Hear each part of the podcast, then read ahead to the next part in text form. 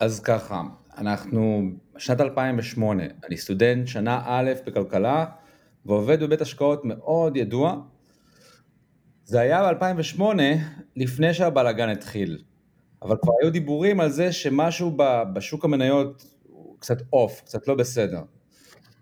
הזמינו אותנו, את הצוות, לישיבה בבית ההשקעות, בחדר הכי מפואר, עם הפרקט והנוף והכל.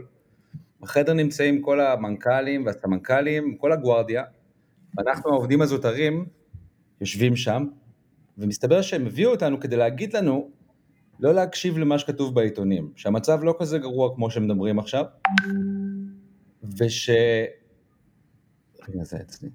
וש... אנחנו בסך הכל חזרנו שנתיים אחורה בשווקים ולא כמו שאומרים חמש שנים ובנוסף המנכ"ל עושה לנו כזה בלחישה שבית ההשקעות קנה ארגזים של אג"חים ושזאת לא המלצה. אוקיי. Okay. בקיצור, אני סטודנט שנה א', חוכמולוג, לא כל כך מבין עניין, מרים יד ואומר, אמ, אני סבור שהמצב הרבה יותר גרוע ממה שאתם מתארים. עכשיו, אני לא כל כך הבנתי את הדינמיקות המשרדיות אף פעם כנראה, כי זאת אמצע ישיבה שהמטרה שלה היא להרגיע את הצוות של הפיונים, ואני בא ונכנס במנכ"ל, במה שאני חושב שזה דעה שיש לה מקום, ואז אני קולט את הסמנכ"לית, מסתכלת עליי במבט קרקע קרח, שאומר, תגיד לי, אתה ילד בן שש? בקיצור, פשוט התעלמו ממני והם סגווי להמשך הפגישה ואני הרגשתי מה זה מושפל. והלכתי הביתה והלכתי לחפש בגרפים, כי למדתי ניתוח טכני באותו זמן. ואני אמצא ואני אוכיח להם שהשווקים הולכים לקרוס. ויום אחרי זה חזרתי לאחמ"ש ואמרתי לו, תראה, יש פה תבנית שמראה שהולכת להיות קריסה. עכשיו, אחמ"ש זה מישהו שהרוויח פחות ממני באותו זמן, ואני קיוויתי שהוא יעביר להם את המסר. כן. לונג סטורי שורט, יום אחרי זה השווקים קורסים. יום אחרי זה הכל מתמוטט, מתפרץ לחדר שלנו הבעלים וצועק, אל תמליצו על אג"ח. ואני בטוח שאני הולך לקבל כאילו מילה טובה, אני בטוח שהולכים להגיד לי בואנה, אתה רוצה, מה, מה התוכנית שלך לשנים הקרובות, למה? כן. לא, כן. פשוט אה, החליקו את זה, ומה שקרה זה שכל מי שעבד איתי בערך קודם ואני לא, וזה היה הרגע שבו הבנתי שאני לא, חוז... לא, בחיים לא חוזר לבית השקעות יותר, ובחיים לא חוזר להיות שכיר גם. זהו. זה היה... תגיד, אבי, אה, אבי שטרן, מה קורה? ת, תגיד, אתה חושב ש... אה, איך שהם התנהגו בבית השקעות מייצג את איך שבדרך כלל אנשים מתנהגים עם השקעות? כלומר, הם מעדיפים להיות עיוורים? Mm, אני לא יודע להגיד שאנשים מעדיפים להיות עיוורים, אני חושב שלמדתי שם שגם המומחים ביותר במרכאות מונעים מ... אתה יודע, גריד, בסופו של דבר בית ההשקעות עשה המון כסף כל הזמן הזה.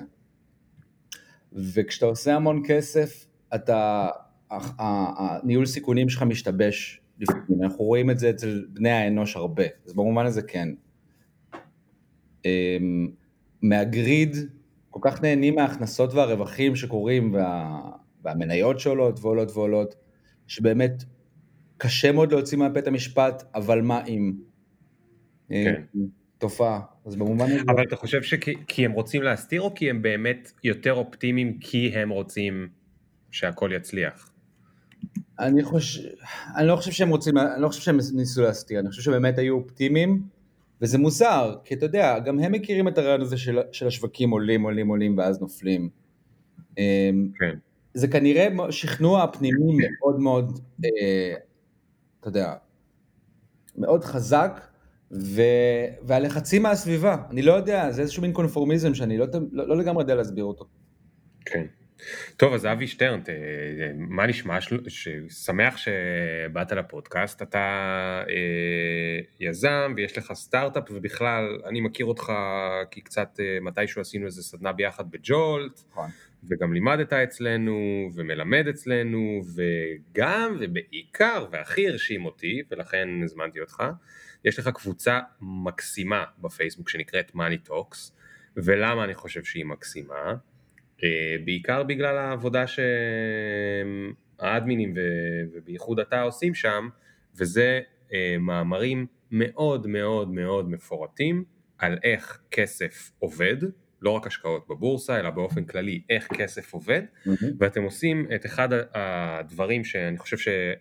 אחד הפעלים שכנראה אמרתי אותו הכי הרבה פעמים בפודקאסט, כי אני חושב שהוא אחד החשובים בימינו, והוא הנגשה. לקחת דברים שהם לא שקופים, לא ברורים, לא מובנים לקהל הרחב, והרבה פעמים בכוונה, mm-hmm. ולקחת אותה, את אותה חוכמה מהמומחים ומהמגדלי השן ומאלה שמבינים ולא מסבירים בדיוק לאחרים, ולהנגיש את זה בשפה פשוטה וברורה שכל אחד יכול להבין, כי בסוף זה הכסף של כולנו, נכון? אלה שהכסף הזה שרק אה, הם רוצים אה, להבין בו. אה, אז אתה תספר לי קצת על המסלול שלך וגם נדבר הרבה על כסף ועל העולם החדש, סבבה? אז אנחנו ניתן רגע למוזיקת המקום ונתחיל בעוד שנייה. Yeah.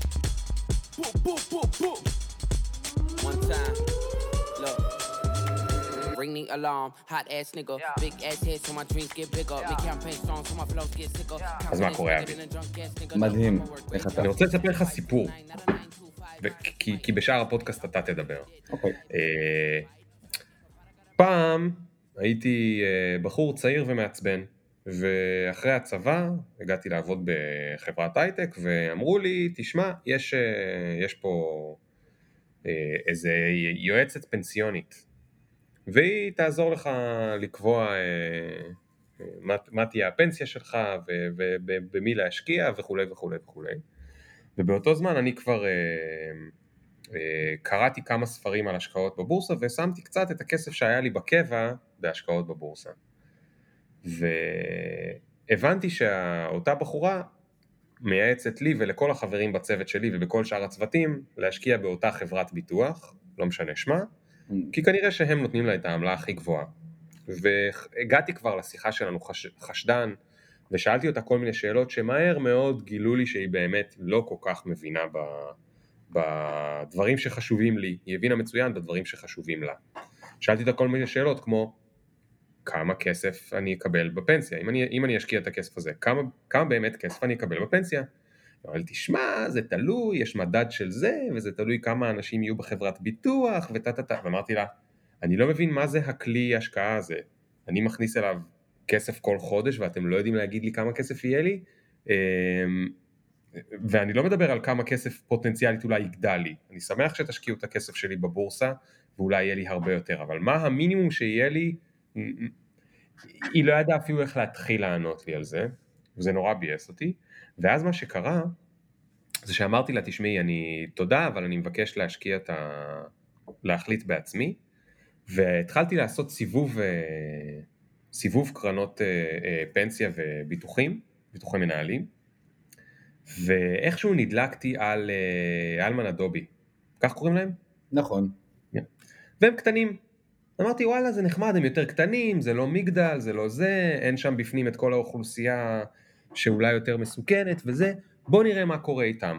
אבל מה, מה שלמדתי באותם ספרים, אני הייתי מאוד כזה עוקב אחרי וורן באפט והשקעת ערך, דווקא לא השקעה טכנית, אתה יודע, יש מחנות והם רבים מי יותר uh, חכם. לגמרי. ואני הייתי בצד של uh, וורן באפט, פשוט כי זה מתאים לי יותר לאופי, כן? לא כי אני באמת חושב כן. שזה יותר טוב, בוא נודה על האמת, אנחנו בסוף מוכרים במה שמתאים לנו לאופי. ולימדו אותי שם שאם אתה רוצה להשקיע במניה, לך תקרא את הדוחות של החברה בעצמך, אל תאמין לשום דבר שכתוב בדה מרקר ובגלובס ובזה, לך תקרא, תלמד לקרוא דוחות של חברה ותבדוק מה קורה שם. אז לא פחדתי. בקיצור, מפה לשם אני בחור צעיר, בן 27 נדמה לי, מגיע למשרדי אלמן אדובי באיזה פתח תקווה, או ראש העין, או לא זוכר, מקום באמת שהיה רחוק מאיפה שגרתי והגעתי לשם ברכב, באמצע איזה אזור תעשייה דלוח, דופק בדלת, היי, שלום, מי אתה? אני ליאור ואני רוצה לשמוע על ה... מה אתם הולכים לעשות עם הכסף שלי. מה? מה, אני רוצה לדעת מה אתם רוצים לעשות, מה, כאילו, ואז אני אשקיע בכם, אני הולך להשקיע בכם כל החיים, כאילו מלא כסף לפנסיה. אני אשמח שמישהו יספר לי מה הולך לקרות עם הכסף שלי.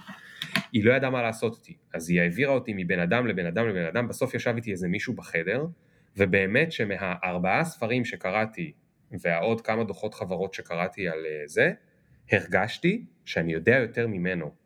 וזה כל כך הפחיד אותי, והיום הזה גרם למשבר אמון עצום ביני לבין כל מי שטוען שהוא יועץ ומבין ו- ו- ונמצא במקומות שבהם מספרים לי כאילו במי לבחור ואיזה עמלות לקחת ובאיזה מניה ונהייתי האיש הספקן בעולם כי יצאתי משם באמת עם הרגשה שדיברתי עם ערימה של אנשים שכאילו לא מבינים בזה. ולמה אני מספר את כל הסיפור הארוך הזה? כי בדיוק מהסיבה הזאת אני מאמין שמה שאתה עושה במאניטוקס הוא כל כך חש... חשוב כי החינוך כדי שכל אחד יוכל בעצמו להבין מה לעזאזל קורה לו עם הכסף זה חינוך מאוד מאוד מאוד מאוד מאוד חשוב. אז אחרי כל ההרמה הארוכה הזאת בוא תספר אתה. למה אתה עושה את מאני טוקס? כמה אחורה אתה רוצה שאני אלך? הכי אחורה שאתה יכול. אוקיי, okay, אני, הסיפור שלי הולך כך. אני הייתי הומני as it gets. אני התעסקתי באומנות ומוזיקה כל החיים שלי. למדתי אומנות בתיכון והלכתי לבצלאל ולמדתי שם אומנות. ובאמת שבכל כל החיים שלי, מה שאמרו לי זה שבמספרים אני לא טוב, ואולי יצא ממני משהו כאמן, אתה יודע, אבל, אבל לא יודע, כסף זה לא אני. כן. באיזשהו שלב אה, הבנתי ש, שמכרו לי לוקשים, שהוסללתי ממש ל, לאזור ההומני, רק בגלל ששאלתי הרבה שאלות בתור צעיר, כאילו למה אני עושה את זה, למה אנחנו לומדים על הדברים האלה, למה זה, ואין תשובות לענות לך. כן.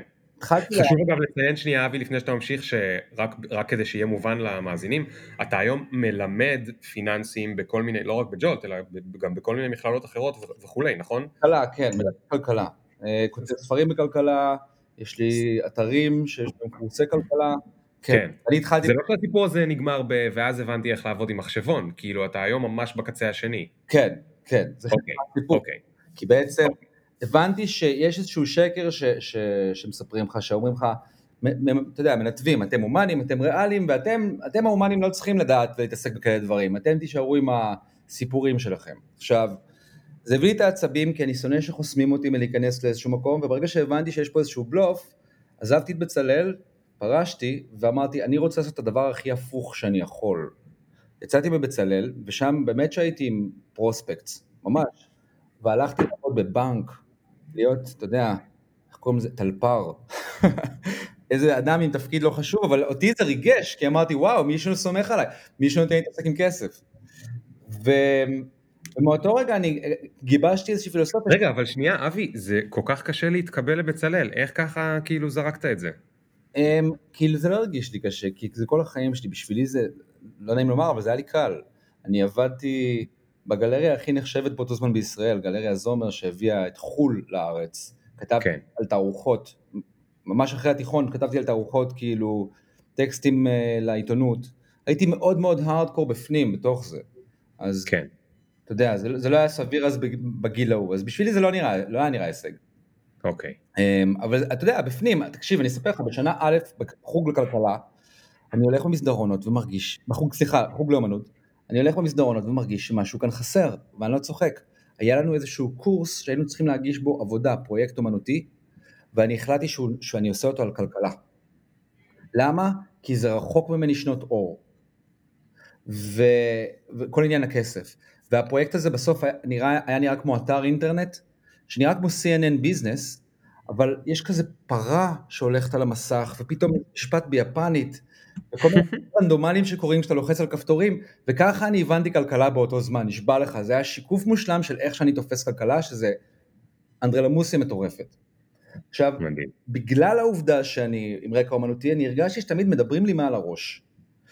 אני אבוא לבנק, וכמו שאתה אמרת, הפקיד, אתה יודע, לא יסביר לי למה הוא עושה, מה עושים איתי, מה קורה איתי, ואני מרגיש, למה, לא, למה אני לא מקבל העלאה והוא כן, וכאילו, התחלתי לגבש רעיון שלפיו, אם אני אבין את המערכת הכלכלית, שהיא בעיניי מערכת המתמרצת, אתה יודע, אנשים פועלים בשביל להשיג הטבות.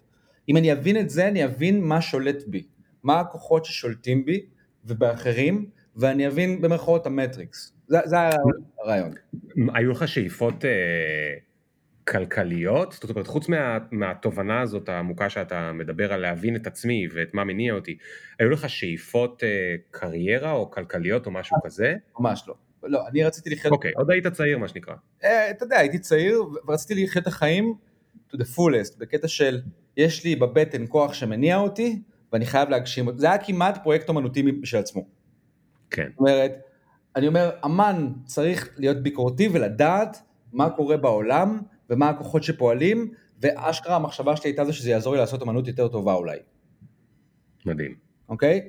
אז, אז הלכתי בעצם, אז הלכתי לעבוד בבנק, שזה הדבר הכי אפור שאתה יכול לדמיין. ועשיתי איזה שנתיים כזה, ולא האמנתי שסומכים עליי עם כסף, כי אני באמת לא, לא האדם. ו... ואז עזבתי וטסתי לחו"ל והתחלתי, לה... ו... ופשוט נשארתי שם שנה וחצי, הסתובבתי באירופה, ומצאתי דרך אה, להתפרנס, ושם התחלתי לגבש יותר את הרעיונות של כסף וכלכלה, לא כדבר, לא בשביל שיהיה לי וילה ומכונית, אלא בשביל להבין את העולם. אמ, חזרתי... איפה באירופה היית?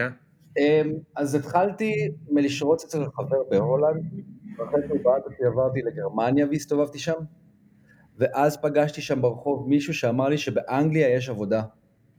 אז נסעתי לאנגליה, מצאתי את עצמי בדירה, בבית עם 13 חדרים שבכל אחד מאויש, עובד בעגלות, Hmm. ואיכשהו התגלגלתי ללנהל עגלות. אמ, ולשאול מלא שאלות על כלכלה ועסקים וביזנס, ו- וכאילו להבין את העולם הזה, שנראה לי הרבה יותר מרגש מהעולם האמנות שממנו הגעתי, באותו זמן. אה, מדהים. וחזרתי לארץ, הצגתי את הארוחה, ואמרתי, אני חייב לעשות משהו לגבי התחושות שלי, גיל 27, הלכתי ללמוד תואר בכלכלה. רגע, רגע, רק תספר שנייה, תערוכה של מה? תערוכת ציורים. ציורים. כן. אה, אז היית, לא רק היית באומנות, היית בשיא של האומנות, ציור. כשהייתי בחו"ל התקשר אליי חבר טוב. זה לא שלמדת UX, משהו כזה שהוא פרקטי לא, והייטקי. אומנות, אומנות, פיסול, ציור, רישום.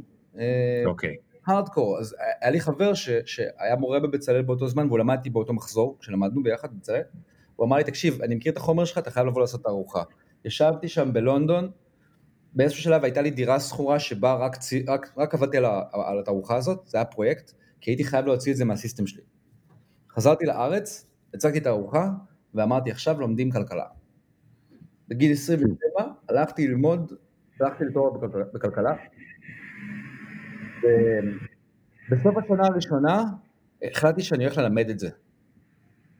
כי אני ידעתי שכמי שבא מבצלאל ורקע אומנותי, אני יכול להנגיש דברים בצורה שאדם שזה מובן לו מאליו לא יכול. כי אני עברתי את המסע הזה בגיל בוגר, את המסע של מלא לדעת כלכלה לכן לדעת, אז הייתי ער כן. לשלב. בקיצור, התחלתי אה, להרצות בסוף השנה הראשונה שלי לסטודנטים, אה, ולקחתי הלוואה וכתבתי ספר לימוד בכלכלה. וכך כן. בעצם מאז איזה עשר, במשך עשר שנים הרציתי, כתבתי ספרי לימוד, וכל הזמן הולך עם אג'נדה של חייבים להוריד את הדבר הזה לציבור, חייבים להנגיש את זה. ואף אחד לא רצה לשמוע על זה אגב. עד כן. 2008, אף זה לא עניין, גם עד 2011 זה לא כל כך עניין. וה, וה, והטוויסט קרה לדעתי ב-2011. אתה יודע, המחאה החברתית. רגע, אבל לא סיפרת איך הגעת ל- ל- לעבוד בבית השקעות. אה, לא, זה היה פשוט, לעבוד בבית השקעות זה היה קל, אתה יודע, אתה בשנה א' בכלכלה, יש לך יריד תעסוקה איפשהו, ואתה יודע, כל המשרות האלה שמחפשות אותך, שאומרים לך, כן. בוא תעבוד אצלנו ותתקדם להיות וואטאבר. ושנייה לפני שאתה מגיע ל- למשברים, מה, מה עוד למדת על לעבוד בבית השקעות שאתה יכול לספר לנו? ש... אהבתי את ההנחה. כן, כן. תשמע, אני לא יודע מה אתה מדמיין, אוקיי? אבל, ואני אגיד את זה באמת, בית ההשקעות, אני מדמיין סטוק פוטוס אגב. בדיוק, ואתה צודק. פוטוס של הרעים, אוקיי? סתם. לא, בבית ההשקעות, תראה, המחשבה שה- האינטואיטיבית של אדם זה שאני שם אצלם את הכסף שלי, והם ירוויחו עליו כי הם רוצים להרוויח עליו. הם, בסופו של דבר צריך להבין שבית ההשקעות, ואני לא אומר, ואני לא אומר שהכל זדון, אני רק אומר, בית ההשקעות קודם כל רוצה את הכסף שלך אצלו, כי אתה יודע, ברוב המסלולים והפנסיות וזה, הם גובים מהצבירה. הם גובים מהערימה שהבאת, הם לא גובים מהרווח. כן. אז רק לגייס. בתי ההשקעות ברובם, אני חושב, וכשאני אומר שאני חושב, אני אומר שאנשים שעובדים שם אומרים לי את זה, 90 אחוז אנשי מכירות. זה אנשי hmm. מכירות. זאת אומרת, ואכן הרושם שלי הוא שאנחנו נותנים קרדיט להם שהם מבינים יותר מאיתנו, וזה לא, לא בהכרח לא נכון, אבל עם קצת מאמץ אנחנו נוכל להבין לא פחות, או עם, לא יודע, עם קצת מאמץ. אמ, זה אנשים, זה בני אדם, הם עובדים, יש להם עבודה, יש להם שגרה, המטרה לגייס כסף, ואני ראיתי מאחורי הקלעים דברים משוגעים. אני יכול לספר, כאילו, דברים משוגעים, אבל לא יודע אם המקרה הפרטי שאני אספר לך, לי הוא את המוח. אבל אתה יכול לספר? אה, אין לי בעיה, ברור. אמ, היה, לקו, היה המשבר ב-2008, השווקים נחתכו. העומס, הבית השקעות שעבדתי בו, אחד הידועים, היה מקום 30 מתוך 36, לדעתי, בגרוע שלו, וכמות הטלפונים שהגיעו מאנשים שאיבדו שליש או חצי מהכסף שלהם, מטורפת. ואנשים בהיסטריה. ואתה ממתין שבוע עד שמישהו בכלל יכול לחזור אליך, אז אנשים פיזית הגיעו אלינו. ואחד המקרים שאני לא אשכח, זה ש... שני מקרים, אוקיי? אחד, שמישהו מדבר איתי בטלפון, ואני כאילו... הוא אומר לי, תשמע, היועץ אמר לי שעכשיו שנפל, זה עוד שנייה יעלה. אמ, זה היה רק יומיים בתוך הנפילות. כן. הדברים לא קורים ככה, זה לא עוד שנייה יעלה. זה כן. כאילו... אבל שים את זה בצד, המקרה היותר גרוע, זה שמישהו ביקש שיעבירו לו את הכסף למסלול בטוח לפני הנפילות, ולא עשו את זה. והוא נשאר עם mm. המסלול המנייתי והוא הפסיד. עכשיו הוא הפסיד כנראה עשרות אלפי שקלים, ומה, ואני זוכר את, ה, את אחת המנהלות שם אומרת, תנו לו ריבית פיגורים. כלומר, אל תפצו אותו במה שהוא הפסיד בגלל הטעות שלנו, החוק מאפשר לנו לתת לו, לתת לו מה שנקרא ריבית פיגורים. מה זה אומר? זה אומר, כשגוף סטטוטורי בדרך כלל מפגר בלהחזיר לך כסף שלך שנמצא אצלו, אז הוא נותן לך על זה ריבית. אה, אוקיי. אז תנו לו כאילו חמישה אחוז, כמה שזה לא היה, שישה אחוז, שבעה אחוז ריבית, על הזמן הזה שבו הכסף שלו לא היה במסלול הנכון. ועל פי חוק, על פי חוק. כן. ואז אמרתי, שיט, זה גם החוק וגם המערכת שמתאפשר להם חוקית, אתה יודע, יש להם יתרון עליך. כן. ו... כאילו אתה קטן ואין לך כוח ו... הגישה היא לייאש הרבה פעמים. אתה יודע, השפה, השפה הפיננסית, התקנו, התקנונים, אני לא רוצה להגיד שהכל, אני לא אדם קונספירטיבי מטבעי, אבל אני מאמין שסוג כזה של מומחיות, או רוב המומחיות ממציאות שפה שתהיה לו נגישה, כדי שאתה לא תוכל לחדור את, הקליפה הזאת. כן. כן, וזה אגב לא שיש איזושהי יום אחד יש פגישה וכולם אומרים בואו נמציא שפה שאף אחד לא, לא זה, זה פשוט בצעדים קטנים קטנים קטנים קטנים כל פעם. זה הבנת העניין, מה, שכנראה לי לא היה באותו זמן, אתה מבין? ובגלל זה כן. נראה לי, קצת הרגשתי כאילו אני על הסקאלה, אני כאילו לא מבין את הדינמיקות האלה, זה לא נראה לי... זהו, מה שאלת? אוקיי, אז, אז לא, רציתי שתספר לי מה קורה בבתי השקעות, אז סיפרת, אוקיי, ואז אתה אומר, לא ב-2008 ולא ב-2011, אמ, אנשים הבינו או רצו להבין מה קורה עם הכסף, זה מה שהתחלת להגיד קודם. כן, אז ב-2011 התחילה המחאה החברתית שהיא מעין גל שני, ואז אני זוכר שאמרתי, אוקיי, וואלה, אני התחלתי להרגיש, אולי עכשיו יתחילו להקשיב לי כשאני רוצה לדבר על כסף. והיה מקום שנקרא בית העם. בית העם, בניין בשדרות רוטשילד, שנתרם על ידי מישהו אה, מאוד עמיד למחאה החברתית, וראיתי שם, זה פשוט בניין, והיו שם אוסף של אנשים שהם במרכז המחאה, והיו שם גם הומלסים שהיו מגיעים פנימה, זה היה סיפור מצחיק, ובאתי לראות שם את גיא רולניק מרצה, שם בבית העם, בבניין הנטוש, כן. הלא נטוש בעצם. ו, ואחד ה... ואז זו הייתה ההרצאה הראשונה שלי לקהל הרחב על כלכלה. עכשיו, זה היה ארבע שעות, כאילו אני הייתי רגיל להרצאות של ארבע שעות לסטודנטים, כי זה מה שעשיתי באותו זמן. הרצאה של ארבע שעות מאיזה שבע עד אחת עשרה בלילה. בערב? בערב. וואו. כאילו, ואז מישהי כזה בשעה 10.45 כזה קמה ואמרת, אני מנצל את הילדים שלי, ואני אמרתי, מה, לא הייתי טוב? של קדיחות. אמ, וזה היה מרגש, הלב שלי באמת דפק ואמרתי, וואו, סוף סוף מישהו רוצה לשמוע על כסף. כן. על, על כלכלה. אמ, ואני חייב לציין שהיה שם איזה קטע יפה. ועל מה סיפרת להם שם? מה לימדת אותם שם? על, מחיר, על מחירים, על אינפ... נראה לי שזה היה על אינפלציה ולמה זה קורה, על כל הרבדים האפשריים של מחירים ולמה הם עולים, כי זה היה המהות בין היתר של המחאה החברתית. אתה יודע, זה כן. הכל מיוקר של דברים. כן. כן, זו הייתה סאגה. אגב, אתה יכול שנייה לעשות עצירה מתודית ולספר לנו שנייה למה מחירים עולים? או שזה ייקח ארבע שעות? אה, זה לא ייקח ארבע שעות, אני רק אגיד שיש כמה, כמה וכמה סיבות, בסדר? בניגוד למה שחושבים. הרבה אנשים חושבים שמחירים עולים רק אם מדפיסים כסף. מכירים את האקסיומה הזאת. מדפיסים כסף, כסף מאבד את הערך, מחירים עולים, אבל האמת שזו סיבה קטנה, זו אחת הסיבות בתוך מכלול סיבות. מחירים עולים בגלל בגדול מה שנקרא ביקוש והיצע, וכשאני מדבר על היצע, למשל אני מדבר, מחירים יכולים לעלות בגלל התייקרות מחירי האנרגיה. אם הדלק והנפט מתייקר, מחירים יעלו. זו סיבה אחת. או בכלל עלויות, אה, זה קרה בשנות ה-70 למשל.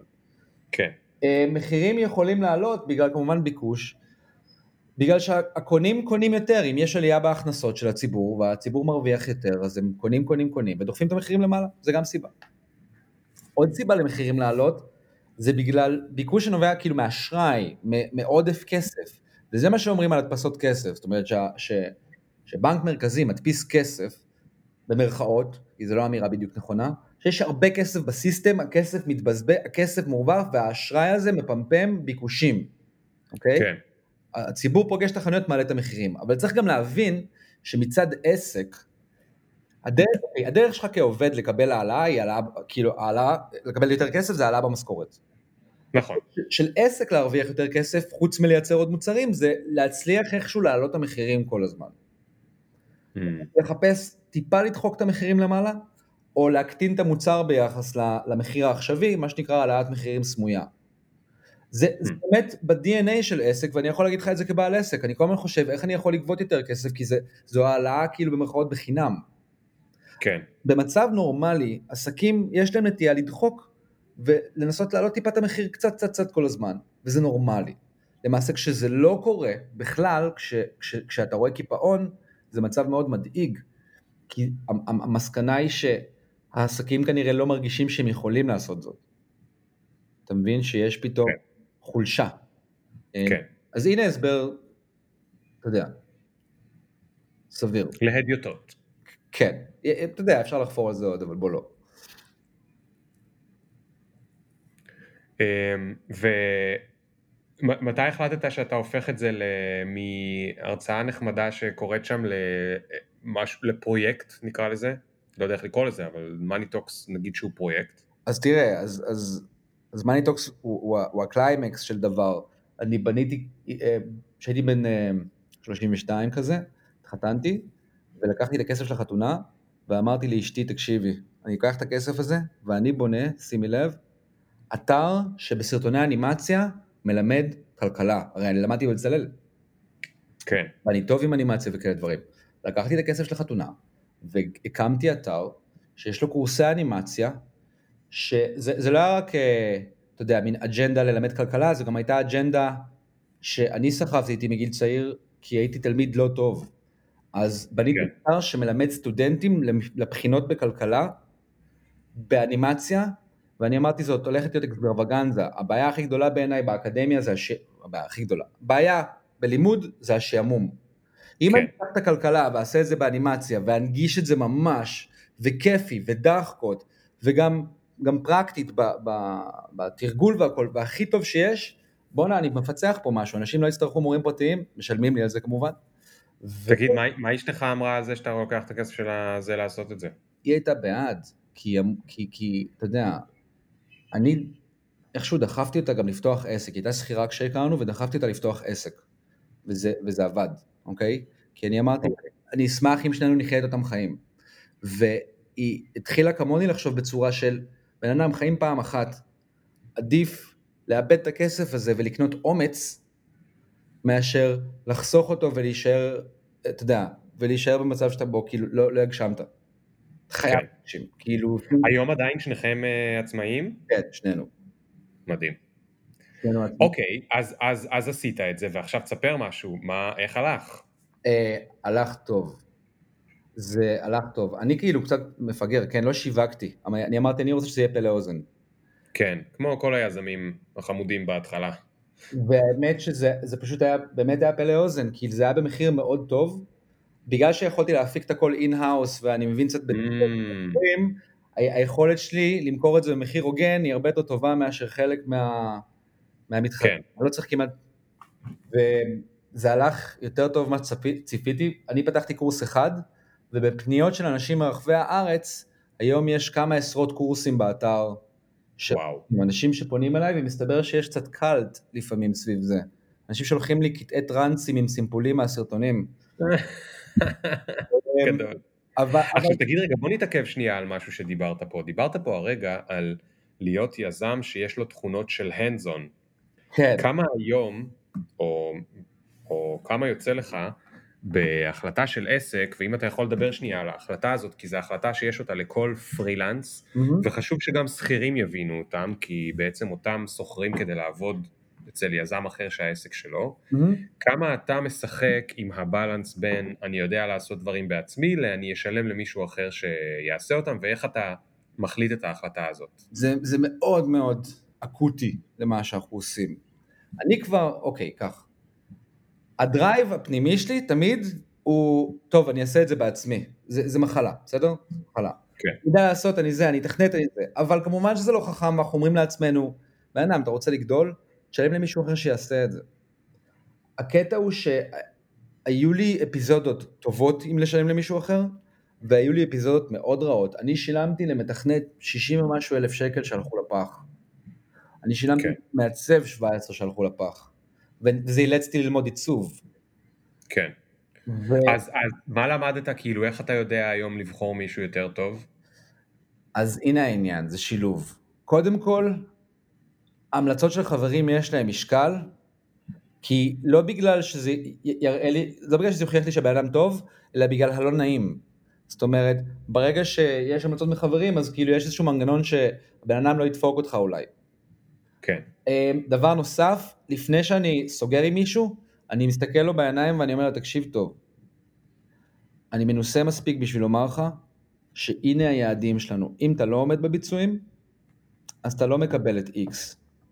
אמ, לי יצא לאחרונה, פעמיים, בעקבות הסכם כזה, לא לשלם לספקים, ואני אמרתי לו, תקשיב, אנחנו סיכמנו, לא סיפקת את הסחורה, בוא, אל תיקח ממני כסף בבקשה על הדבר הזה. צריך לעשות חוזה מראש, שבו אנחנו מסכימים וצופים את הגרוע ביותר. אתה נותן לי זה, ואם אתה לא נותן לי זה, אתה מקבל פחות או כלום. כי כשבעל עסק מוכר לך את השירותים שלו, הוא, בד... הוא מבטיח לך, בשלב המכירה הוא מבטיח. כן. אז מאוד חשוב לי לעגן אותו להבטחה שלו, ואנחנו מנהלים משא ומתן מאוד, אה, מאוד הוגן בהתחלה, אם הוא לא מסכים הוא לא מסכים, הוא כן, בסוף סוגרים. כן, הוא יודע, זאת אומרת, זה לא שאתה הפתעת אותו, הוא יודע את זה לפני שסוגרים. בסדר, אבל זה ממש הגיוני, יש milestones, יש deliverables, כאילו, סליחה שאני נשמע פלצני. יש אה, נק- נקודות ציון שבהם אה, מחליטים, יש את התוצרים שהוא צריך לייצר, ואם הוא לא עושה את זה, מאוד הגיוני שלא מקבלים כסף. הדרך הקשה שלא תמיד כשאתם משלמים לבעל שירות תקבלו מה שאתם ביקשתם. נכון, נכון. ואגב, קשה לדעת אם כן או לא קשור. פעם חשבתי שזה מאוד ישראלי. בניו סקול, המיזם הקודם שלי שהיה קשור לפרילנסרים, גיליתי שזה לא רק ישראלי. יש את אותה תופעה כמעט בכל מדינה, זה לא קשור לחפיפניקיות, זה קשור הרבה פעמים לאותו פרילנס, לאותו בעל נותן שירות, שהוא בתמימותו אופטימי. אופטימי, בדיוק. הוא יוכל לעשות דברים בפחות זמן ופחות כסף, ופתאום הוא מוצא את עצמו שהוא מפסיד כי הוא לא תמחר כמו שצריך. בסיפור שלו, כי אתה יודע, הוא היזם החדש שפורץ דרך ומנסה משהו חדש, אתה מבין? אז כן. מישהו בקצה מתאכזב, זה חלק מהסיפור שלו, and I, and I dig that, כאילו, אני מבין את זה לגמרי. אני יכול לומר שאני היום עושה, יש לי שיטה מאוד, uh, לדעתי, טובה, ללבחור את האנשים. לכל דבר יש תקופת trial, ואחד הדברים היותר מגניבים שאני אוהב לעשות, זה נגיד שאני הולך להיכנס איתך לפרויקט, שבו, זה לא מתאים לכל דבר, כן? אבל בו אנחנו למשל, סתם דוגמה, באמת שותפים באיזשהו מיזם, או מקימים משהו גדול ביחד, אז אני עושה תת פרויקט לפני כן. אני אומר, אוקיי, כן. לפני שאנחנו עושים את זה, בוא ניקח איזשהו פרו- פרויקט, פרויקטון.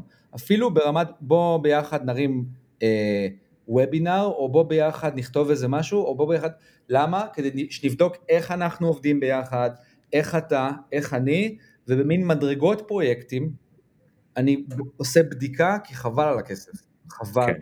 על ה... כן. על ה... אני גם למדתי בדרך הקשה שזו הדרך הכי טובה. אם יש איזושהי דרך לעשות פיילוט עם הבן אדם, ואז להחליט אם ממשיכים, זה הכי הכי הכי טוב. כן. אבל באמת צריך ללמוד את זה על בשרך ומנגנוני הגנה מהדברים האלה. היום אני יודע שאני באמת ממוקד באיך אני לא עושה דברים בעצמי. זה היה לי איזושהי revelation שהבנתי שבן אדם, תעלה קומה בראש. אתה אבל, אבל איך אתה עושה את החישוב? כי בסוף יש חישוב כלכלי, מתי משתלם לך ומתי לא משתלם לך לעשות אה, זה. סתם ניקח לדוגמה, עם אותו סרטוני אנימציה, אתה מוכר, לא יודע מה, לסטודנטים, והחלטת שאתה מוכר חודש, חודש שלם של סרטונים, סתם אני מוציא, כן, אין לי מושג, 30 שקל, עכשיו אתה עושה את החישוב, אתה אומר, אוקיי, אם 3,000 סטודנטים יראו 200 וידאוים, וואלה, אני יכול להגיע ל-30 אלף שקל בחודש. עכשיו, אם אתה צריך לשלם לאנימטור חצי מזה, Hmm? אז יכול להיות שכבר לא משתלם לך לעשות את הפרויקט. זו הסיבה אגב שאני הייתי אנימטור, כי אנימטור לוקח ארגזים, אז למדתי לעשות אנימציה, אז בסיפור הזה זה אני עשיתי, אבל מתכנת שכרתי. ולמה? כן. כי זה באמת היה, מתכנת עלה לי כמה עשרות אלפי שקלים, ואמרתי, אוקיי, כדי שאני לא אכסה את זה, א', אני צריך להיות ממש גרוע, אוקיי? כן. שמתי לעצמי יעד ריאלי, אבל בנוסף לזה אמרתי, אוקיי, אני תמיד אוהב לחשוב על ה-Worst case ולמצוא את ההצלחה שבכישלון. הסטארט שאני, אתה יודע, שהקמתי, אמרתי, רגע, תסביר מה זה, למה אתה הולך על worst case ומה זה ההצלחה שבכישלון, שתי שאלות. אמ, אז ללכת על ה-Worst case, אני אומר, באמת, מה, מה, מה הדבר הכי גרוע שיכול לצאת מהדבר הזה? כאילו, מה, מה הכישלון הכי גרוע שיכול לקרות? אמ, ואם אני מגלה שאני לא אשרוד אותו, לא נכנס לזה. זאת אומרת, כישלון צריך להיות כזה שאתה מתאושש ממנו. כי יש לך כרטיסייה של כמה כישלונות, ואז בסוף הצלחה. אתה לא יכול לנקב את הכל על הכישלון הראשון. כן, אז זה דבר ראשון. צריך לדעת מה הגרוע ביותר, להסתכל לו בעיניים ולהגיד, I can deal with it. אבל בנוסף, בוא תיתן רגע דוגמה, כי אני, אני ממש מתחבר, אבל מי שפחות אה, אוקיי. עבר יוזמות, אז פחות, תן דוגמה אמיתית או מומצאת, אבל מומצאת? אוקיי, אני היה סיפור, או אמיתי, בית, היה לי סיפור שאני כמעט נכנסתי לבנות בית קפה.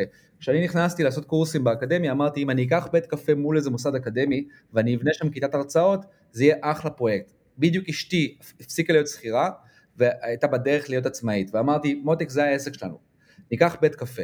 ישבתי עם חברים שלי, חבר שיש לו בית קפה, וישבנו על האקסלים, והכל היה נראה בסדר, ואז קלטתי שעכשיו קיץ, ואם אני נכנס לעסק בקיץ, אין כמעט סטודנטים, כל חודש יורד לי לפחות 20K מהחשבון, אני תוך כמה חודשים מגיע למצב שאני במינוס 100, 100 ומשהו K, לא חושב צלול, וזה יגמור אותי לנצח, ואני אחזור עם הזנב בין הרגליים להיות שכיר.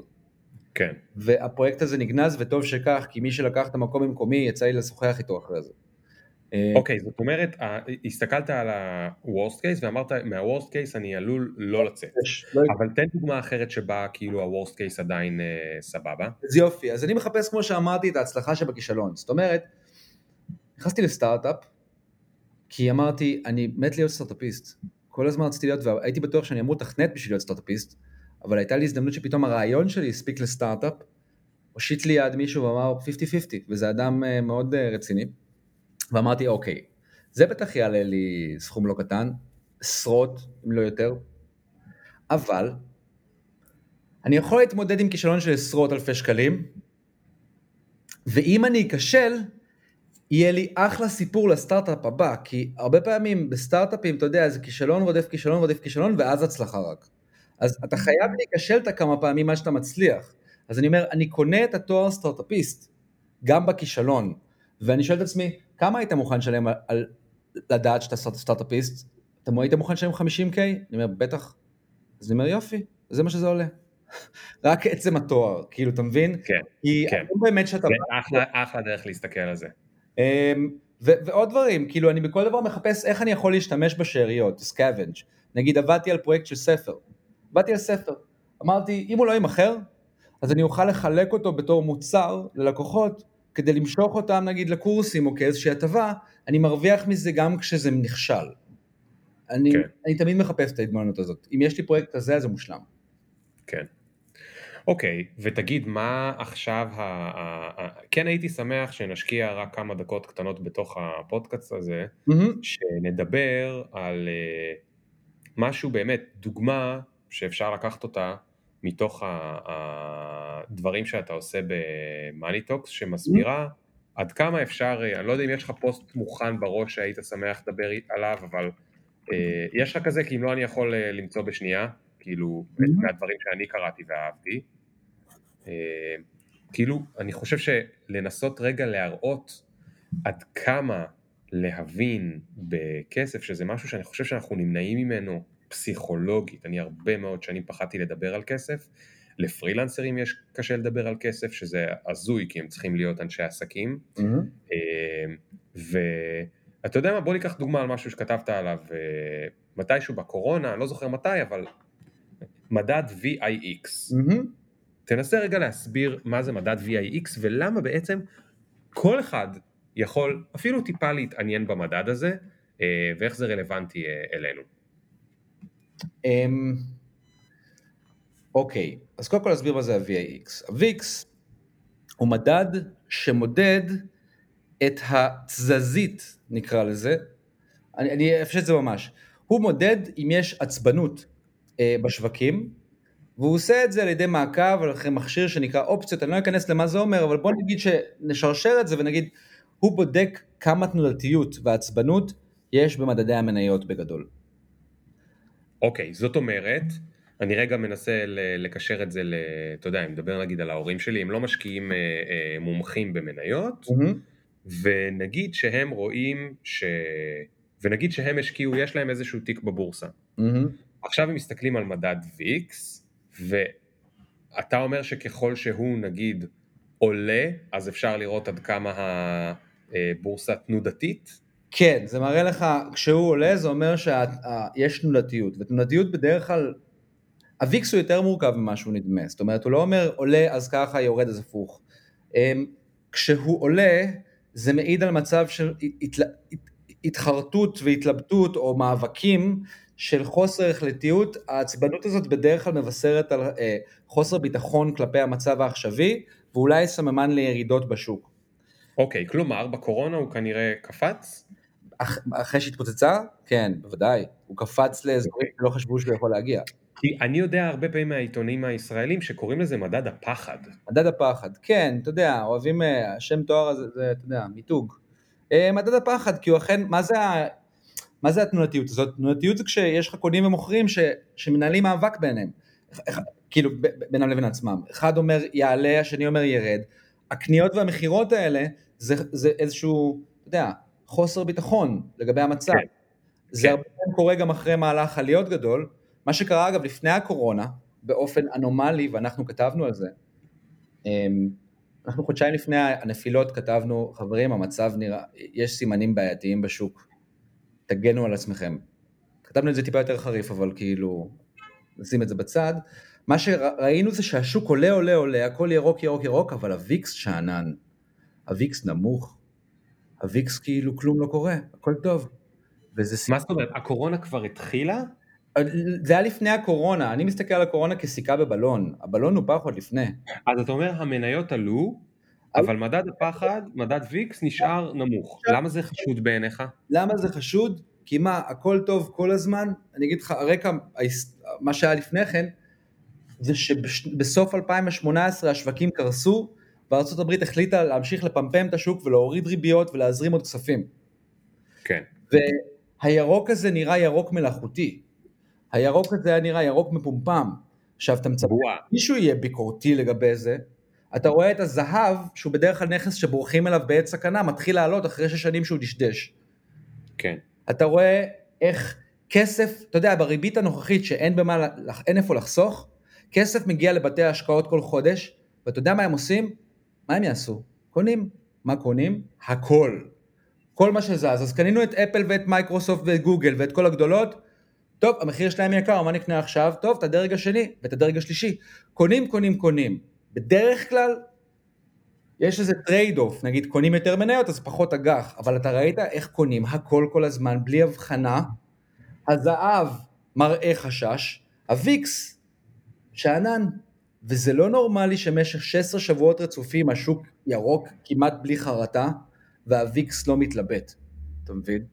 הבנתי, הבנתי. אוקיי, ואז אתם, אתם אמרתם, חבר'ה, שימו לב, יש פה משהו מחשיד. חודשיים לפני, ב-25 בדצמבר, פרסמנו פוסט שאומר, וזה היה לפני קורונה, מה, לא ציפינו קורונה, כן? אמרנו, יש, יש בועה. כן. אמ, חודשיים לפני כתבנו, חברים, בחודשיים הקרובים אנחנו צופים ירידות חזקות, אנחנו מכניסים הגנות לתיק, אמ, וכשאייל השותף שלי, אייל יוזבגי, השותף שלי, התקשר אליי ואמר לי, אבי, בוא, משחררים את הפוסט הזה, אמרתי לו, אייל, תקשיב, אני שונא לטעות, וזה big deal, אנחנו משחררים את זה לפני קהל גדול. אתה משוכנע שזה מה שאתה רואה? הוא אמר לי, אבי, תשחרר את זה היום. תוך, בחודשיים הקרובים אנחנו צופים נפילות. עכשיו, אייל זה הבן אדם שאני הכי סומך עליו בעולם, היחיד אולי, שאני הכי סומך עליו בעולם בהקשר של השווקים, הוא ראה הכל. ופרסמנו את זה, וזה דרש המון אומץ. עבר חודש וזה לא קרה, עבר זה חודשיים בדיוק אחרי, ב-24 לפברואר, בום, זה קרה. עכשיו, אומרים, כן, אבל לא צפיתם את הקורונה, אבל כמו שאני אומר, האקסיומה שלי זה שהקורונה היא סיכה שהיית בבלון. הבלון היה. היה צריך משהו שיוציא ממנו את האוויר. עכשיו תגיד, איך, איך, איך קורה בלון כזה? זאת אומרת, למה, איך זה קורה שמניות ש, עולות ועולות ועולות ועולות ועולות ועולות אה, בלי קשר לשווי של החברות? אני חושב שזה אחת השאלות הכי בסיסיות שיש לאנשים שפחות מבינים בשוק המניות, mm-hmm. או, או, אבל כן מבינים קצת משהו בכלכלה או בעסקים. הם אומרים, החברה שווה יותר, המניה שלה אמורה לעלות, היא שווה יותר, המניה שלה אמורה עוד לעלות. למה, למה שזה לא תמיד יעלה? כאילו אני עכשיו שואל בתור uh, התמים. אוקיי, אז, יש, אז יש כל מיני תשובות בכל הכיוונים. קודם כל, הרבה פעמים אנשים מאבחנים את שוויה של חברה בצורה לא נכונה, בסדר? הרבה פעמים אנשים אומרים דברים כמו, בואנה, אה, אמזון יקרה מדי בגלל איך שהם מאבחנים את השווי, המניה, המניה יקרה מדי, החברה לא שווה את זה, ו- וצריך להבין שמדובר בחברות טכנולוגיה ובפרט שחברות עם שאיפות אימפריאליסטיות, המניה יכולה, המניה שווה את כל הפוטנציאל העתידי שלה, אוקיי? אבל כן. בנוסף, אמ, השוק מורכב ממשקיעים וסוחרים, וזה שאתה יודע, אתה מסתכל על דוח כספי, ואתה רואה דוח כספי של חברה, ואתה עושה הערכת שווי, ואז השוק עולה. ואתה מסתכל על אותו דוח כספי, ואז הוא יורד. ואתה עדיין מסתכל כן. על דוח כספי, ואז הוא עולה. אז אתה מבין כאן שהשוק לא בהכרח קורא את הדוחות שלך. השוק חכם ממך ומהדוח, כן. הרבה פעמים. ואתה יודע מי כותב את הדוח? מי כותב את הדוח הכספי? החברה עצמה. החברה עצמה. יפה, אתה מבין כבר לאן זה הולך. עכשיו, השוק יש לו את ההיגיון שלו ואני מקשיב לו, אני מסתכל על זה כך, אם השוק לא מסונכרן עם הדוח, אולי כדאי שנשמע מה יש לשוק להגיד ולמה. בסופו של דבר, כמו שאתה מכיר, אתה היית איש באפט, אז אתה יודע, השוק אמור להתכנס לדוח, כן, אם אתה מחכה מספיק זמן, אז התזוזות הקטנות נעלמות ממרחק, ובסוף אתה משתווה למה שהחברה באמת שווה. אבל זה נגיד לא נכון לגבי חברות טכנולוגיה שמוגדרות חברות צמיחה, שהן כאילו במומנטום שלהן. זה לא בהכרח נכון. נכון. ועוד דבר שלמה השוק עולה בלי שום קשר, אתה צריך להבין, יש לנו ריבית אפסית. כל, המנגנון בנוי כך, כל חודש כסף מהמשכורת שלך ושל כולם זורם לבתי השקעות. הם היו מתים לשים באיזשהו אפיק חיסכון גם, אבל אין ריבית. מה הם יעשו איתו? הם מחויבים, מחויבים לקנות איתו ניירות ערך.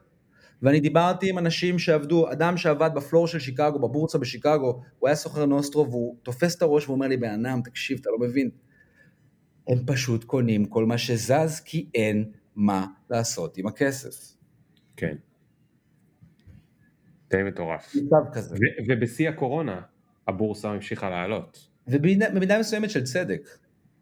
כי, אתה יודע, הכסף עזב את החברות שנפגעו, אבל עבר לחברות, אני טוען שהקורונה עשתה לנו fast forward כמה שנים קדימה. זאת אומרת, כן. אם היינו אמורים ללמוד מהבית בעוד איזה 15 שנה, לא יודע אם זה כזה להיט עכשיו, או היינו אמורים לעבוד מהבית מתישהו אבולוציונית, הקורונה בעטה את העתיד לעכשיו. כן. ואז מה, הרבה פעמים מה שאתה רואה עכשיו, כשאתה רואה מניות, טכנולוגיה, מזנקות, אדיר זה לא רק בגלל שטכנולוגיה מוגנת ממה שהמטוסים לא מוגנים, אלא זה גם כי העתיד מתעדכן מוקדם יותר משצפינו, והרבה מהמחירים של החברות האלה מגלמים עתיד שהוקדם. כן. אמ, מטורף, מטורף. אני נזכר עכשיו ששאלת משהו על מניטוקס קודם, לא סיפרתי. כן. אמ, מה החזון שלכם שם? אוקיי, אז הסיפור הוא נורא ארצי, בסדר? הסיפור הוא שלפני שנה ומשהו פגשתי את אייל יזבגי, ואני הייתי בעניינים שלי, אני החלטתי שאני חייב עסק חדש, כי יש לי יותר מדי הכנסה ממקור אחד. ואמרתי, אם יום אחד יקרה משבר, יש לי, אני BDO, יותר מדי מההכנסה שלי מגיע משם, ואם יום אחד יקרה איזה משבר, אם המנכ"ל של ה... של ה אתה יודע, המנכ"ל יפרוש, ואין סיכוי שיקרה משבר, כי אני שותף שלו בסטארט-אפ. אם המנכ"ל יפרוש, אם משהו יקרה, אם הוא חס ושלום יקרה לו משהו, אני בצרות, אין לי כלום. ואז אמרתי, אני חייב להקים עסק חדש, חייב להקים. שים את זה בצד.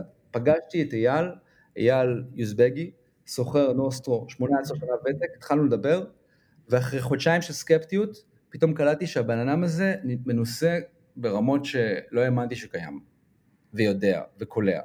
ואמרתי לו, תקשיב, עכשיו, הוא מה שהוא רצה ממני אז, הוא אמר לי, תקשיב, אני רוצ... הייתי רוצה ללמד אנשים, להכשיר אותם, אבל אני לא מצליח אה, לפתוח תוכניות. אז אמרתי לו, תקשיב, בוא נפתח וואטסאפ, כל יום נעלה פוסט, אם אף אחד לא יעזוב אחרי, שבוע, אחרי שבועיים אני פותח פייסבוק. כך היה. פתחתי וואטסאפ, 20 איש לא עזבו, פתחתי פייסבוק. והתחלתי לכתוב פעמיים ביום, שוברים את הראש, כותבים, אמרתי, אם אנשים יתעניינו במה שיש לנו לכתוב, המטרה, המטרה הייתה, אז נוכל למכור את ההכשרות שלך, אייל. בסדר? זו הייתה המטרה. רק צריך לראות שאנחנו כן. מתעניינים. כן. זה תפס טיפה יותר מזה. זאת אומרת, תוך תשעה חודשים הגענו לאיזה 13K שם בפייסבוק, עם המון engagement, כי אני סוף סוף הגשמתי את מה ששנים חלמתי. לדבר על, על, על כסף לא רק בקטע של איך להרוויח, ממש לא, אלא בקטע של איך עובד כסף, איך עובד שוק, to unveil, לחשוף את הדברים שאתה אמרת בהתחלה שמסתירים מאיתנו, וממטרה מאוד קטנה של, יודע, למכור הכשרות, אה, זה הפך להיות מטרה הרבה יותר גדולה. אה, אני תופס את עצמי היום כמגזין, אני לא גלובס, אבל היום אתה יודע, אנחנו צורכים את החדשות שלנו, ה news feed של פייסבוק הוא news. אז מכיוון שאתה יודע, אני לא עיתון ואני לא תלוי במפרסמים כאלה ואחרים, אז המטרה שלי עכשיו, בכל צורה אפשרית, בכל מדיה אפשרית, להנגיש, להוריד את הראש של הדרקון כדי שהציבור יוכל לטפס עליו, אמ, להתחיל לגרום לאנשים לדבר, אוקיי, אנחנו לא נוגעים בכלכלה, אנחנו מפחדים מכלכלה, אנחנו אמ, חושבים שזה מסובך. אני רוצה שיותר אנשים יתחילו לשאול שאלות ולא רק בצורה דמגוגית של, אתה יודע, היום נתפס לפעמים שכלכלה שווה אל תיגעו לי במיסים או משהו. כלכלה שווה כן. אה, לחסוך, לא, זה הרבה יותר מורכב. אז אני רוצה באמת, אולי שאיפות אימפריאליסטיות כאן, אבל להיות מין ערוץ אה, תוכן, שגם אגב מתפרנס מזה, אני, אני, אתה יודע, כדי שהמודל שלך יחזיק אתה חייב שזה יהיה ביזנס, חייב.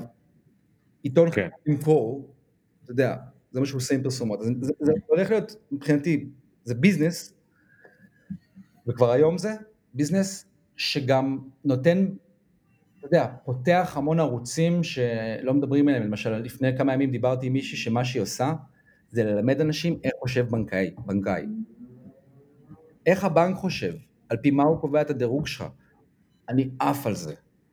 אני מת על זה שאנשים כאילו לא יודעים שהפעולות שהם עושים בבנק נמדדות שם, נרשמו, כן. מכריעות את הריבית שאתה תקבל, וזה מכריע גם את העתיד שלך. אז זהו, מבחינתי קצת all over, אבל זה בהחלט בדרך לשם. מדהים, מדהים, מדהים, מדהים. אני, אני מאוד אוהב את זה, אני חושב שהרבה עסקים נפתחים היום ככה. אה, יש פה שני דברים שדיברת עליהם. אחד, אה, לחשוב מה אנשים באמת רוצים, ושתיים, לעשות את זה בצעדים קטנים, לא להגיד אני עוזב את הכל ופותח עסק, אלא בוא נפתח קבוצת וואטסאפ, אם יעבוד בוא נפתח קבוצת פייסבוק, אם יעבוד בוא נראה אם אנחנו יכולים למכור הכשרות, אם יעבוד בוא נראה איך אנחנו מגדילים את זה לערוץ תקשורת מרכזי בנושאים האלו והאלו. אני חושב שזו דרך מצוינת אה, עסקית לנסות דברים, כי אם הקבוצת וואטסאפ לא הייתה עולה, לא הייתה מתגברת, היית אומר אוקיי, מה הפסדתי? כמה ימים שהשקעתי בקבוצת וואטסאפ, והיית זז 20 מעלות ימינה, ויכול להיות ש... בדיוק, פיבוט. שאז הרעיון שלך היה עובד. אמ, ותזכור, אגב, תזכור שהכל התחיל מזה שרציתי, שהרגשתי שיש לי יותר מדי, יש לי מקור הכנסה אחד עיקרי, ואם הוא ייפגע אני בבעיה, מה שגדול הוא, זה שהתחלתי לעבוד על Money Talks נגיד, ב... הקבוצה נפתחה ב... בדצמבר, התחלתי לעבוד על הרעיון באוגוסט הקודם, ואכן המטאור פגע, שמת לב? כאילו, ברגע שהקורונה אה, קרתה, פתאום המקור ההכנסה שהיה לי, שהרבה ממנו הייתה הכנסה פסיבית, אה, נדפק. פתאום עצרו לי את ההכנסות, הביאו לי, התקשרו אליי ואמרו לי, תקשיב אבי, אה, הכסף הזה, אנחנו לא נוכל לשלם אותו עכשיו, ו Money Talks היה שם בשביל וואו. להציל אותי. כאילו, הפרנויה שלי השתלמה. אגב, אני חושב שכל מי שהוא קצת פרנואיד, הקורונה באה לו מה זה טוב. אני מ-2015 מחכה שהשוק יקרוס. מכיר. כולם רק אומרים לי שאני אידיוט כל הזמן, ואני כל היום אוכל לעצמי את הלב על, אה, על אה, השקעות שלא עשיתי ועל דברים שלא עשיתי, ואז באה הקורונה, ולפחות, קודם כל יש כמה דקות שאפשר להגיד לכולם אמרתי לכם.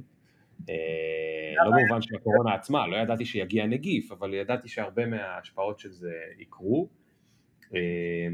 זאת אבל... היה בלהיות נביא זעם, שזה ייפול, זה ייפול, אתה תמיד תהיה צודק בסוף? זה, בדיוק, זה, האמת שזה גם הסיפור שלך מההתחלה שאפשר ללמוד ממנו. את אף אחד לא עניין שהיית נביא זעם. זאת אומרת, אתה לעצמך ידעת שאתה דובר אמת, ואתה כאילו ה, זה שאומר המלך הוא עירום, אבל את אף אחד לא, לא עניין, ואפילו שהם גילו שהמלך הוא עירום, אף אחד לא נתן לך את הפרס. כי... לא צודק פעמיים ביום, אני לא נותן לעצמי קרדיט על זה יותר מדי. לא, אבל גם כי היית מבאס, ואף אחד לא רוצה, כאילו זה משהו נורא, נורא מעצבן בלהיות נביא זעם, אף אחד לא רוצה את המבאסים. נכון. כאילו גם אם הם צודקים, וזה אגב מאוד מאוד קשור גם לחיים של אה, יזמות וסטארט-אפים, כי בסטארט-אפ הרבה פעמים אתה צריך להגיד לשותפים, לעובדים, לזה, תקשיבו, זה לא עובד. עכשיו לידך יש מישהו אופטימי שאומר בסדר אבל זה תכף יעבוד. ותמיד יש את השאלה הגדולה האם זה תכף יעבוד או שיש לנו כבר מספיק הוכחות שזה לא עובד ואנחנו צריכים להפסיק להשקיע בזה? Mm. ולפעמים מחליטים שממשיכים להשקיע בזה ואז מגלים שזה לא עובד ואז זה שאתה צדקת לא גורם לך להרגיש יותר טוב. אה, נכון. אתה פשוט אומר אולי פעם הבאה אני אצליח לשכנע אותם יותר אני לא יודע או, ש, או שאין מה לעשות, לפעמים צריך פשוט לשלם את המחיר. אני חושב שכשאתה מגיע, כשאתה מצליח בסופו של דבר לעלות על הסוס של ביזנס, בשיח עם אנשי עסקים, או עם זה, אתה חייב כל הזמן להיות אה, בשיווי משקל של האופטימי, אתה חייב להיות אופטימי ופסיכי בשביל להרים עסק, אבל אתה חייב כל הזמן להפגין גם שיווי משקל של אה, זהירות וניהול סיכונים, זה חייב להיות both. אז היום כשאני רוצה לתת את הממרכאות נבואת זעם או את התרחיש הפסימי, פשוט האופן שבו אתה go about it. אה, אתה יודע, זה שאתה צווח, הכל הולך ליפול וזה, זה מעצבן, ולזה אף אחד לא יקשיב. ברגע שאתה ממתן ואתה מדבר ב-understatement, זה נהיה קשיב. כן, כן, נכון. טוב, אבי, אה, הרבה תודה על כל מה שלימדת אותי וכל מה ששיתפת כאן על הסיפור שלך. אה, אני אשאל אותך את השאלה המשותפת של סוף הפודקאסט, והיא אם חס וחלילה אתה עכשיו במטוס, אף אחד מאיתנו לא כל כך במטוסים לצערנו, mm-hmm. אבל נגיד שכן היית במטוס והקברניט מודיע שאתם הולכים אה, להיכנס לתוך אה, סלע גדול ומפחיד בעוד שלוש דקות, ועכשיו אתה חושב לעצמך, איזה באסה שלא הספקתי, מה? להוציא אלבום. להוציא אלבום? כן, יש לי אולפן בבית, אני כותב כבר שנים למגירה ואף שיר לא שוחרר. יואו, חבל שלא ביקשתי ממך לשיר איזה שיר. לא, אני לא, אני לא שר, זה, זה מוזיקה אלקטרונית, אה, פופית. אה, אוקיי. אתה יודע. אה, בוא'נה, אז מתי זה יקרה? רגע, בוא נעשה לך שיימינג לטובת מוטיבציה. תקשיב, תקשיב. אשתי ביום הולדת הקודם שלה אמרה לי, אבי, המתנה שלי תהיה שאתה תכתוב שיר, אוקיי? שאתה תסיים שיר, תסיים קטע. ועשיתי, okay. כן. ובניתי, ויש לי דפקה רצינית בסיפור הזה. אמ, אני הולך לקחת את זה כפרויקט בקרוב, טפו טפו טפו, תוך שנה יוצא משהו. גדול. אז למי ששומע את הפודקאסט הזה בעוד שנה, אני יודע שהרבה פעמים ככה פודקאסט עובד, אתה מצטרף מאוחר ואז אתה שומע את כל הפרקים אחורה. למי ששומע את הפודקאסט הזה ב-1 בספטמבר 2021, אה, תחפשו אבי שטרן בגוגל ותשמעו את השיר החדש שלו. ואנחנו נאחל לו שהוא יצליח. לגמרי, עכשיו... יאללה, חביבי, הרבה הרבה תודה. ותבואו לקבוצה, Money Talks, כאילו הבן אדם משקיע כל כך הרבה בפוסטים באמת, גם מי שלא מבין כלום בכלכלה יכול להבין, אני באמת אה, לא נוטה להמליץ בקלות על קבוצות בפייסבוק, אה, אבל אה, פה דווקא זה קל לי, כיף. וזהו, שיהיה הרבה בהצלחה אבי. תודה חבר, היה ממש כיף. ותודה לכל מי שהקשיב, והראשון בספטמבר, אם אתם שומעים את זה, היום מחר, אז הילדים נכנסים לבית ספר, והיה חשוב לי להגיד, כן, הם צריכים להסתגל, יש להם, אה, הבת שלי הולכת לגן חדש, היא רק בת שנה וחצי, ולכולם יש בית ספר חדש, גן חובה, וכיתה א', אל תיבהלו להיכנס למקום חדש, זה הדבר הכי הכי הכי חשוב לילד, ככה הוא מסתגל, ככה הוא מפתח חוסן, זה התכונות הכי חשובות בעולם הזה שלא מפסיק להשתנות, וכמה שזה היה חשוב לנו וחבל שאנחנו לא מספיק חזקים, אצלם זה יהיה הרבה יותר חשוב, אז uh, אל תתבאסו, תשמחו בשבילם שהם עוברים את הקשיים האלה ותתמכו בהם. יאללה, ביי. Do you even fuck with a nigga like me? Will you bump me in about three days? Really? IDC. Cause every time a nigga talk, they can't see the big up picture. Fuck your filter, me can't go run, but me can't repeat. No.